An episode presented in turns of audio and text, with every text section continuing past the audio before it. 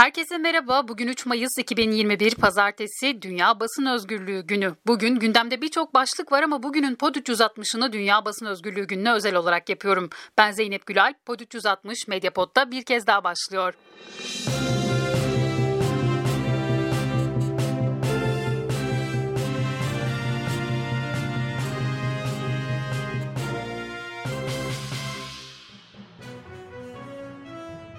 Gazeteciler Cemiyeti'nin Dünya Basın Özgürlüğü özel oturumunda konuşan Avrupa Parlamentosu Türkiye raportörü Nancho Sanchez Amor, Türkiye'nin insan hakları ve hukukun üstünlüğü açısından geriye gittiğini söyledi. Pandeminin basın özgürlüğünü baltalamak için bir zemin olarak kullanıldığını ifade eden Sanchez Amor, aslında soft diyebileceğimiz bir İslam ajandası gündeme oluşturulmaya çalışıyor olabilir diye konuştu. Türkiye'de her türlü eleştirinin tehdit olarak algılandığını belirten Sanchez Amor, terörle mücadele kanununun amacının dışında kullanıldığını ifade etti.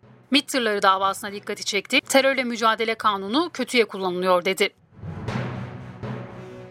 Son bir yılda 128 davada 274 gazeteci yargılandı. Toplam 226 yıl 8 ay 25 gün hapis cezasına mahkum edildi. 101 gazeteci hakkında soruşturma açıldı. Türkiye Gazeteciler Sendikası 104 sayfalık bir rapor yayınladı. Rapora göre 44 gazeteci fiziksel saldırıya uğradı, 23 gazeteci sözlü olarak tehdit edildi. 57 gazeteci toplamda 144 gün gözaltında kaldı, 6 gazeteci gözaltında darp edildi. Son bir yılda 62 haber sitesine ve 1411 haber içeriğine erişiminin engel engellenmesine karar verildi. Rütük toplam 7 milyon 488 bin 851 lira idari para cezası ve 41 defa yayın durdurma cezası verdi. Bu yıl 322 basın kartı iptal edildi. Basın ilan kurumu gazetelere toplam 212 gün ilan kesme cezası verdi. Rapora göre medyada işsizlik %35 seviyesine çıktı. 5 ayrı medya kuruluşunda 1400 çalışanın toplu sözleşme hakkı işveren itirazıyla engellendi ve rapora göre 43 gazeteci hala cezaevinde tutuluyor. Gazeteciler Cemiyeti'nin webinarında konuşan Türkiye Gazeteciler Sendikası Başkanı Gökhan Durmuş, basın belada etiketiyle başlattıkları kampanyayı anlattı. Bugün basın belada e, dedik. E, sloganımız basın belada. Neden basın belada? E, biz gazeteciler açısından e, değerlendirmek istedik. Tabii ki e, Nazmi Başkanımın söylediği bunun bir de e, karşı tarafı var. Okuyucular, e, izleyiciler yani haberi ulaştırdığımız kesim. Ee, biz basın belada e, derken evet gazetecilerin hapsedildiği, yargılandığı, e, kalemlerini özgürce kullanamadıkları e, günleri kastediyoruz. E, ama basın beladaysa e, o zaman okuyucu da e, habere ulaşmakta, doğruyu bilgiye ulaşmakta zorluk çekiyor. Medyafor Demokrasi Politika Uzmanı gazeteci Kenan Şener 2021 yılı ilk çeyrek raporunu anlattı. Gazetecilere yönelik saldırılara dikkati çekti. Gazetecilerin bazı eleştirel yaklaşımlarına karşı e, başta iktidar partisi ve ortakları ve MHP yöneticileri olmak üzere e, çok sayıda siyasetçi tarafından e, hedef gösterildiğine şahit olduk. E, sürecin diğer aşaması tabii yine taraflı basında karalama içerikli haberler oldu. Haklarında yargı kararı olsun olmasın e, pek çok eleştirel gazeteci hakkında e, taraflı basında, hükümet yanlısı basında karalama kampanyalarına şahit olduk ve bunların hemen ardından da sokak saldırılarının gerçekleştiğini gördük. Saldırganlar e, genellikle yakalanmıyorlar. Birkaçının teslim olduğu e, görüldü bugüne kadar e, ama cezasız kaldıkları ortada. 3 Mayıs Dünya Basın Özgürlüğü gününde Emniyet Genel Müdürlüğü'nün yayınladığı eylemlerde cep telefonuyla ses ve görüntü alan kişilerin engellenmesi ve haklarında yasal işlem yapılmasına yönelik genelge en çok konuşulan madde oldu. 1 Mayıs eylemlerinde polis sık sık genelgeyi hatırlattı. Olabilir. Tamam bir saniye. Olabilir. Çekim yapmıyorsunuz. Olabilir. Ama neye göre basın? Olabilir. Çekim yapmıyorsunuz. Ankara'da genelgeyi gerekçe gösteren polis 1 Mayıs eylemlerini görüntüleyen Yol TV muhabiri Özge Uyanık'ın telefonunu yere atıp üzerine bastı.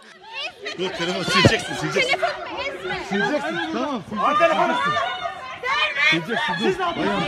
Polislerin görüntü genelgesi de webinarda konuşuldu. Avrupa Parlamentosu Türkiye raportörü Nancho Sanchez Amor anayasal bir hak emniyet genelgesiyle engellenemez dedi. Burada hukukun üstünlüğünün ayaklar altına alındığına işaret etti. İzmir Gazeteciler Cemiyeti Başkanı Misket Dikmen de polis şiddetine vurgu yaptı. Yasak konulması, engellenmesi gereken basın mensuplarının ses ve görüntü kaydı alması değil, hukuk devletinde kolluk görevlilerinin halka işkencesi, halka şiddetidir. Ankara Barosu ve Antalya Barosu kamusal olaylarda kolluğun ses ve görüntüsünün alınmasını yasaklayan Emniyet Genel Müdürlüğü'nün genelgesine karşı Danıştay'da dava açtı.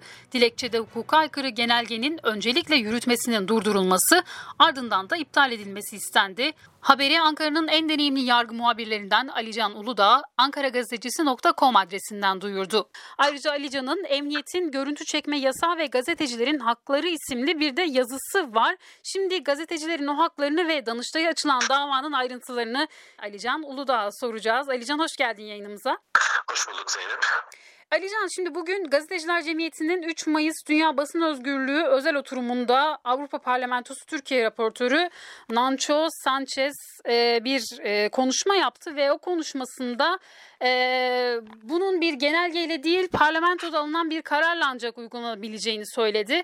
Ayrıca anayasal bir hakkın da bir genelgeyle engellenemeyeceğinin üzerinde durdu. Sen de yıllardır Ankara'da yargı muhabirliği yapıyorsun. Ne söylersin bu konuyla ilgili yasalar ne diyor? Evet bu konuda aslında gazetecilerin e, korkmadan görevini yapması gerekiyor. Özellikle cesaretle yapması gerekiyor. Çünkü basın özgürlüğü Türkiye'de e, anayasal e, şekilde güvence altına almış alınmış durumda. Bu konuda basın kanunu var. Yine Avrupa İnsan Hakları Sözleşmesi'nde de ifade özgürlüğü başlığı altında basın hürriyetini güvence altına alıyor. Dolayısıyla gazeteciler bu öncelikle bu haklarını bilmek zorunda yani bilmeli de yani bu ülkede basın özgürlüğü anayasal güvence altında yine basın kanunu kapsamında gazeteciler istediği şekilde haber takibi yapabilir. Bunu e, mecralarında yazabilir, eleştiri yapabilir, yorumlama hakları vardır. Dolayısıyla gazetecilerin örneğin bu son dönemdeki emniyetin genelgesi karşısında biraz ürktüklerini, buna karşı seslerini çıkaramadıklarını da gördüm. Yine basın örgütlerinin de maalesef yeterli düzeyde e, seslerinin çıkamadığını gördüm. Bunun üzerine ben bu yazıyı kaleme aldım, oturdum bir gece çalıştım bu e, yazı üzerine. Avrupa İnsan Hakları Sözleşmesi'ne baktım, anayasaya baktım, ana, AHİM'in ve Anayasa Mahkemesi'nin benzer iştihatlarını ele aldım ve ortaya bir manzara çıkıyor. O manzara ki e, Türkiye'de basın özgürlüğü vardır. Eğer bir gazeteci görüntü alırken ya da bir haber takibi yaparken gazete ol, gazeteci olduğunu belli ediyor, ediyorsa polis ya da kolluk güçleri gazeteciyi engelleyemez. Hiçbir şekilde engelleyemez. Ha, engellediği zaman ne olur? Aynen Erdal İmrek ve Beyza Kural kararları var Anayasa Mahkemesi'nin. Anayasa Mahkemesi her iki kararında diyor ki burada gazetecilerin ifade ve e, basın özgürlükleri ihlal edildi. O polisler yargılanmalı. Yargılanırken de aynı zamanda buna ilişkin etkili soruşturma yürütmek zorunda. Burada Anayasa Mahkemesi'nin belirlediği kriterler de var gazeteciler açısından. Örneğin diyor ki bir olayda gazeteci e, basın kimliğini göstermek ya da en azından gazeteci olduğunu belli şekil olacak şekilde yaka kartı takmak zorunda. Aynı zamanda diyelim bir müdahale var ve e, polis yaka kartını da göremiyor o sırada kargaşadan.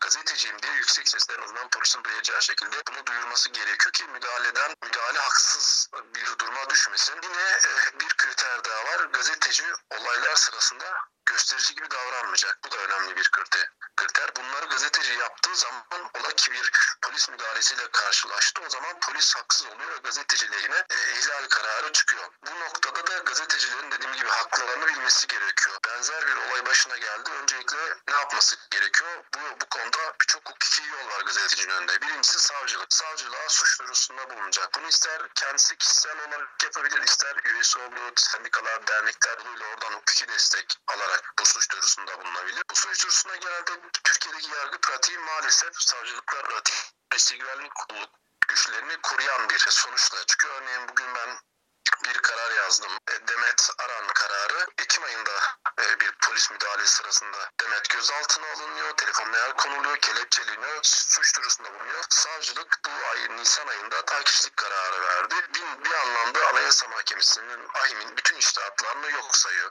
Anayasa Mahkemesi de zaten Erdal İmrek kararında yargıyı eleştiriyor. E, diyor ki başta yargı olmak üzere kamu otoriteleri zihinsel bir dönüşüm, zihinsel ve kültürel bir dönüşüm yaşamalılar ki bu tür gazetecilere yönelik müdahaleler son bulsun. Aslında kronik bir sorun da Anayasa Mahkemesi özetliyor. Tekrar gazetecilerin haklarına dönersek suç duyurusunda bulunacaklar ve bunu sonuna kadar takip edecekler. Sa- Savcılık takipçilik kararı ver diyelim. Buna itiraz edecekler sulh ceza hakimliğine. Sulh ceza hakimi eğer itirazı reddediyorsa Anayasa Mahkemesi yolu açılıyor. Anayasa Mahkemesi'nden de eğer dediğim gibi delillendirildiyse gazeteci haksız şekilde polis müdahalesiyle karşılaştığını ya da görevinin engellendiğini delillendirdiyse Anayasa Mahkemesi'nden ihlal kararı çıkması yüksek, yüksek ihtimal.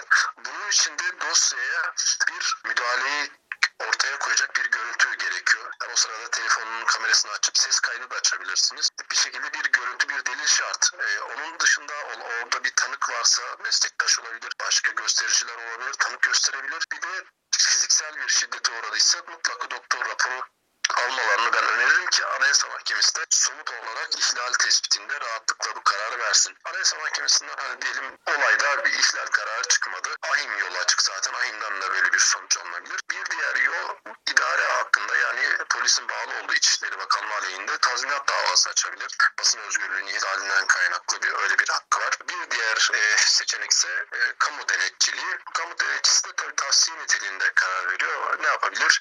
Gazeteciye yapılan müdahalenin haksız olduğunu belirtip İçişleri Bakanlığı'na bir tavsiye kararı gönderir. Der ki alanda çalışan gazetecilere sen e, polislerin müdahale etmemesi, görevini rahatlıkla yapması için gerekli tedbirleri al diyebilir. En azından bu da böyle bir e, hukuki hak.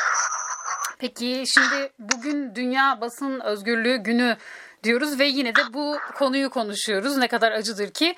Ee, aslında bu sene bunun e, en çok mağduriyetini yaşayan isimlerden birisi de sensin. İkimizin e, çalıştığı e, kanal Olay TV kapandı. E, bugüne özgü ne söylemek istersin bize? Yani ben e, kendimi hep muhabir olarak gördüm. Alanda hep kendimi e, ifade ediyorum. Hiçbir zaman hani e, onun üstünde görmedim. Basın özgürlüğü e, günündeyiz ama tabii kutlanacak bir gün yok. Çünkü hepimiz o mağduriyeti yaşadık. Ancak ne olursa olsun diyorum ben korkmadan ya da korksak bile cesaretle gazetecilik yapmak gerektiğini düşünüyoruz. Çünkü bu ülkede halkın, vatandaşların, ezilen kesimlerin, yoksulların gerçeği bilmek, yine onların sesini kamuoyuna duyurmak gerekiyor. Bunu da biz yapmak zorundayız. Biz korkarsak, biz kendimize otosansür uygularsak o zaman o vatandaşın dediğim gibi sesi kısılacak, gözü kapanacak. İşte emniyetin genel yetisi biraz da aslında e, gazetecileri korkutmaya yönelik işte çekim yapmasınlar, vatandaşa yönelik kötü muameleleri haber yapmasınlar, vatandaş sesini çıkarmasın, gerçekleri bilmesin diye e, ortaya konulmuş bir şey. Gazeteciler dediğim gibi anayasal bir hakla bu işi yapıyor ve bu hakkı sonuna kadar cesaretle yerine getirmeleri gerektiğini düşünüyorum. Peki çok teşekkür ediyorum Alican. Ee, Bugün benim Pod 360'daki ilk yayınımdı. Uzun bir aradan sonra senin de katkın oldu. Çok teşekkür ediyorum yayına katıldığın için. Ben teşekkür ediyorum. İyi yayınlar. Pod 360'dan bugünlük de bu kadar. Yarın tekrar görüşmek dileğiyle. Hoşçakalın.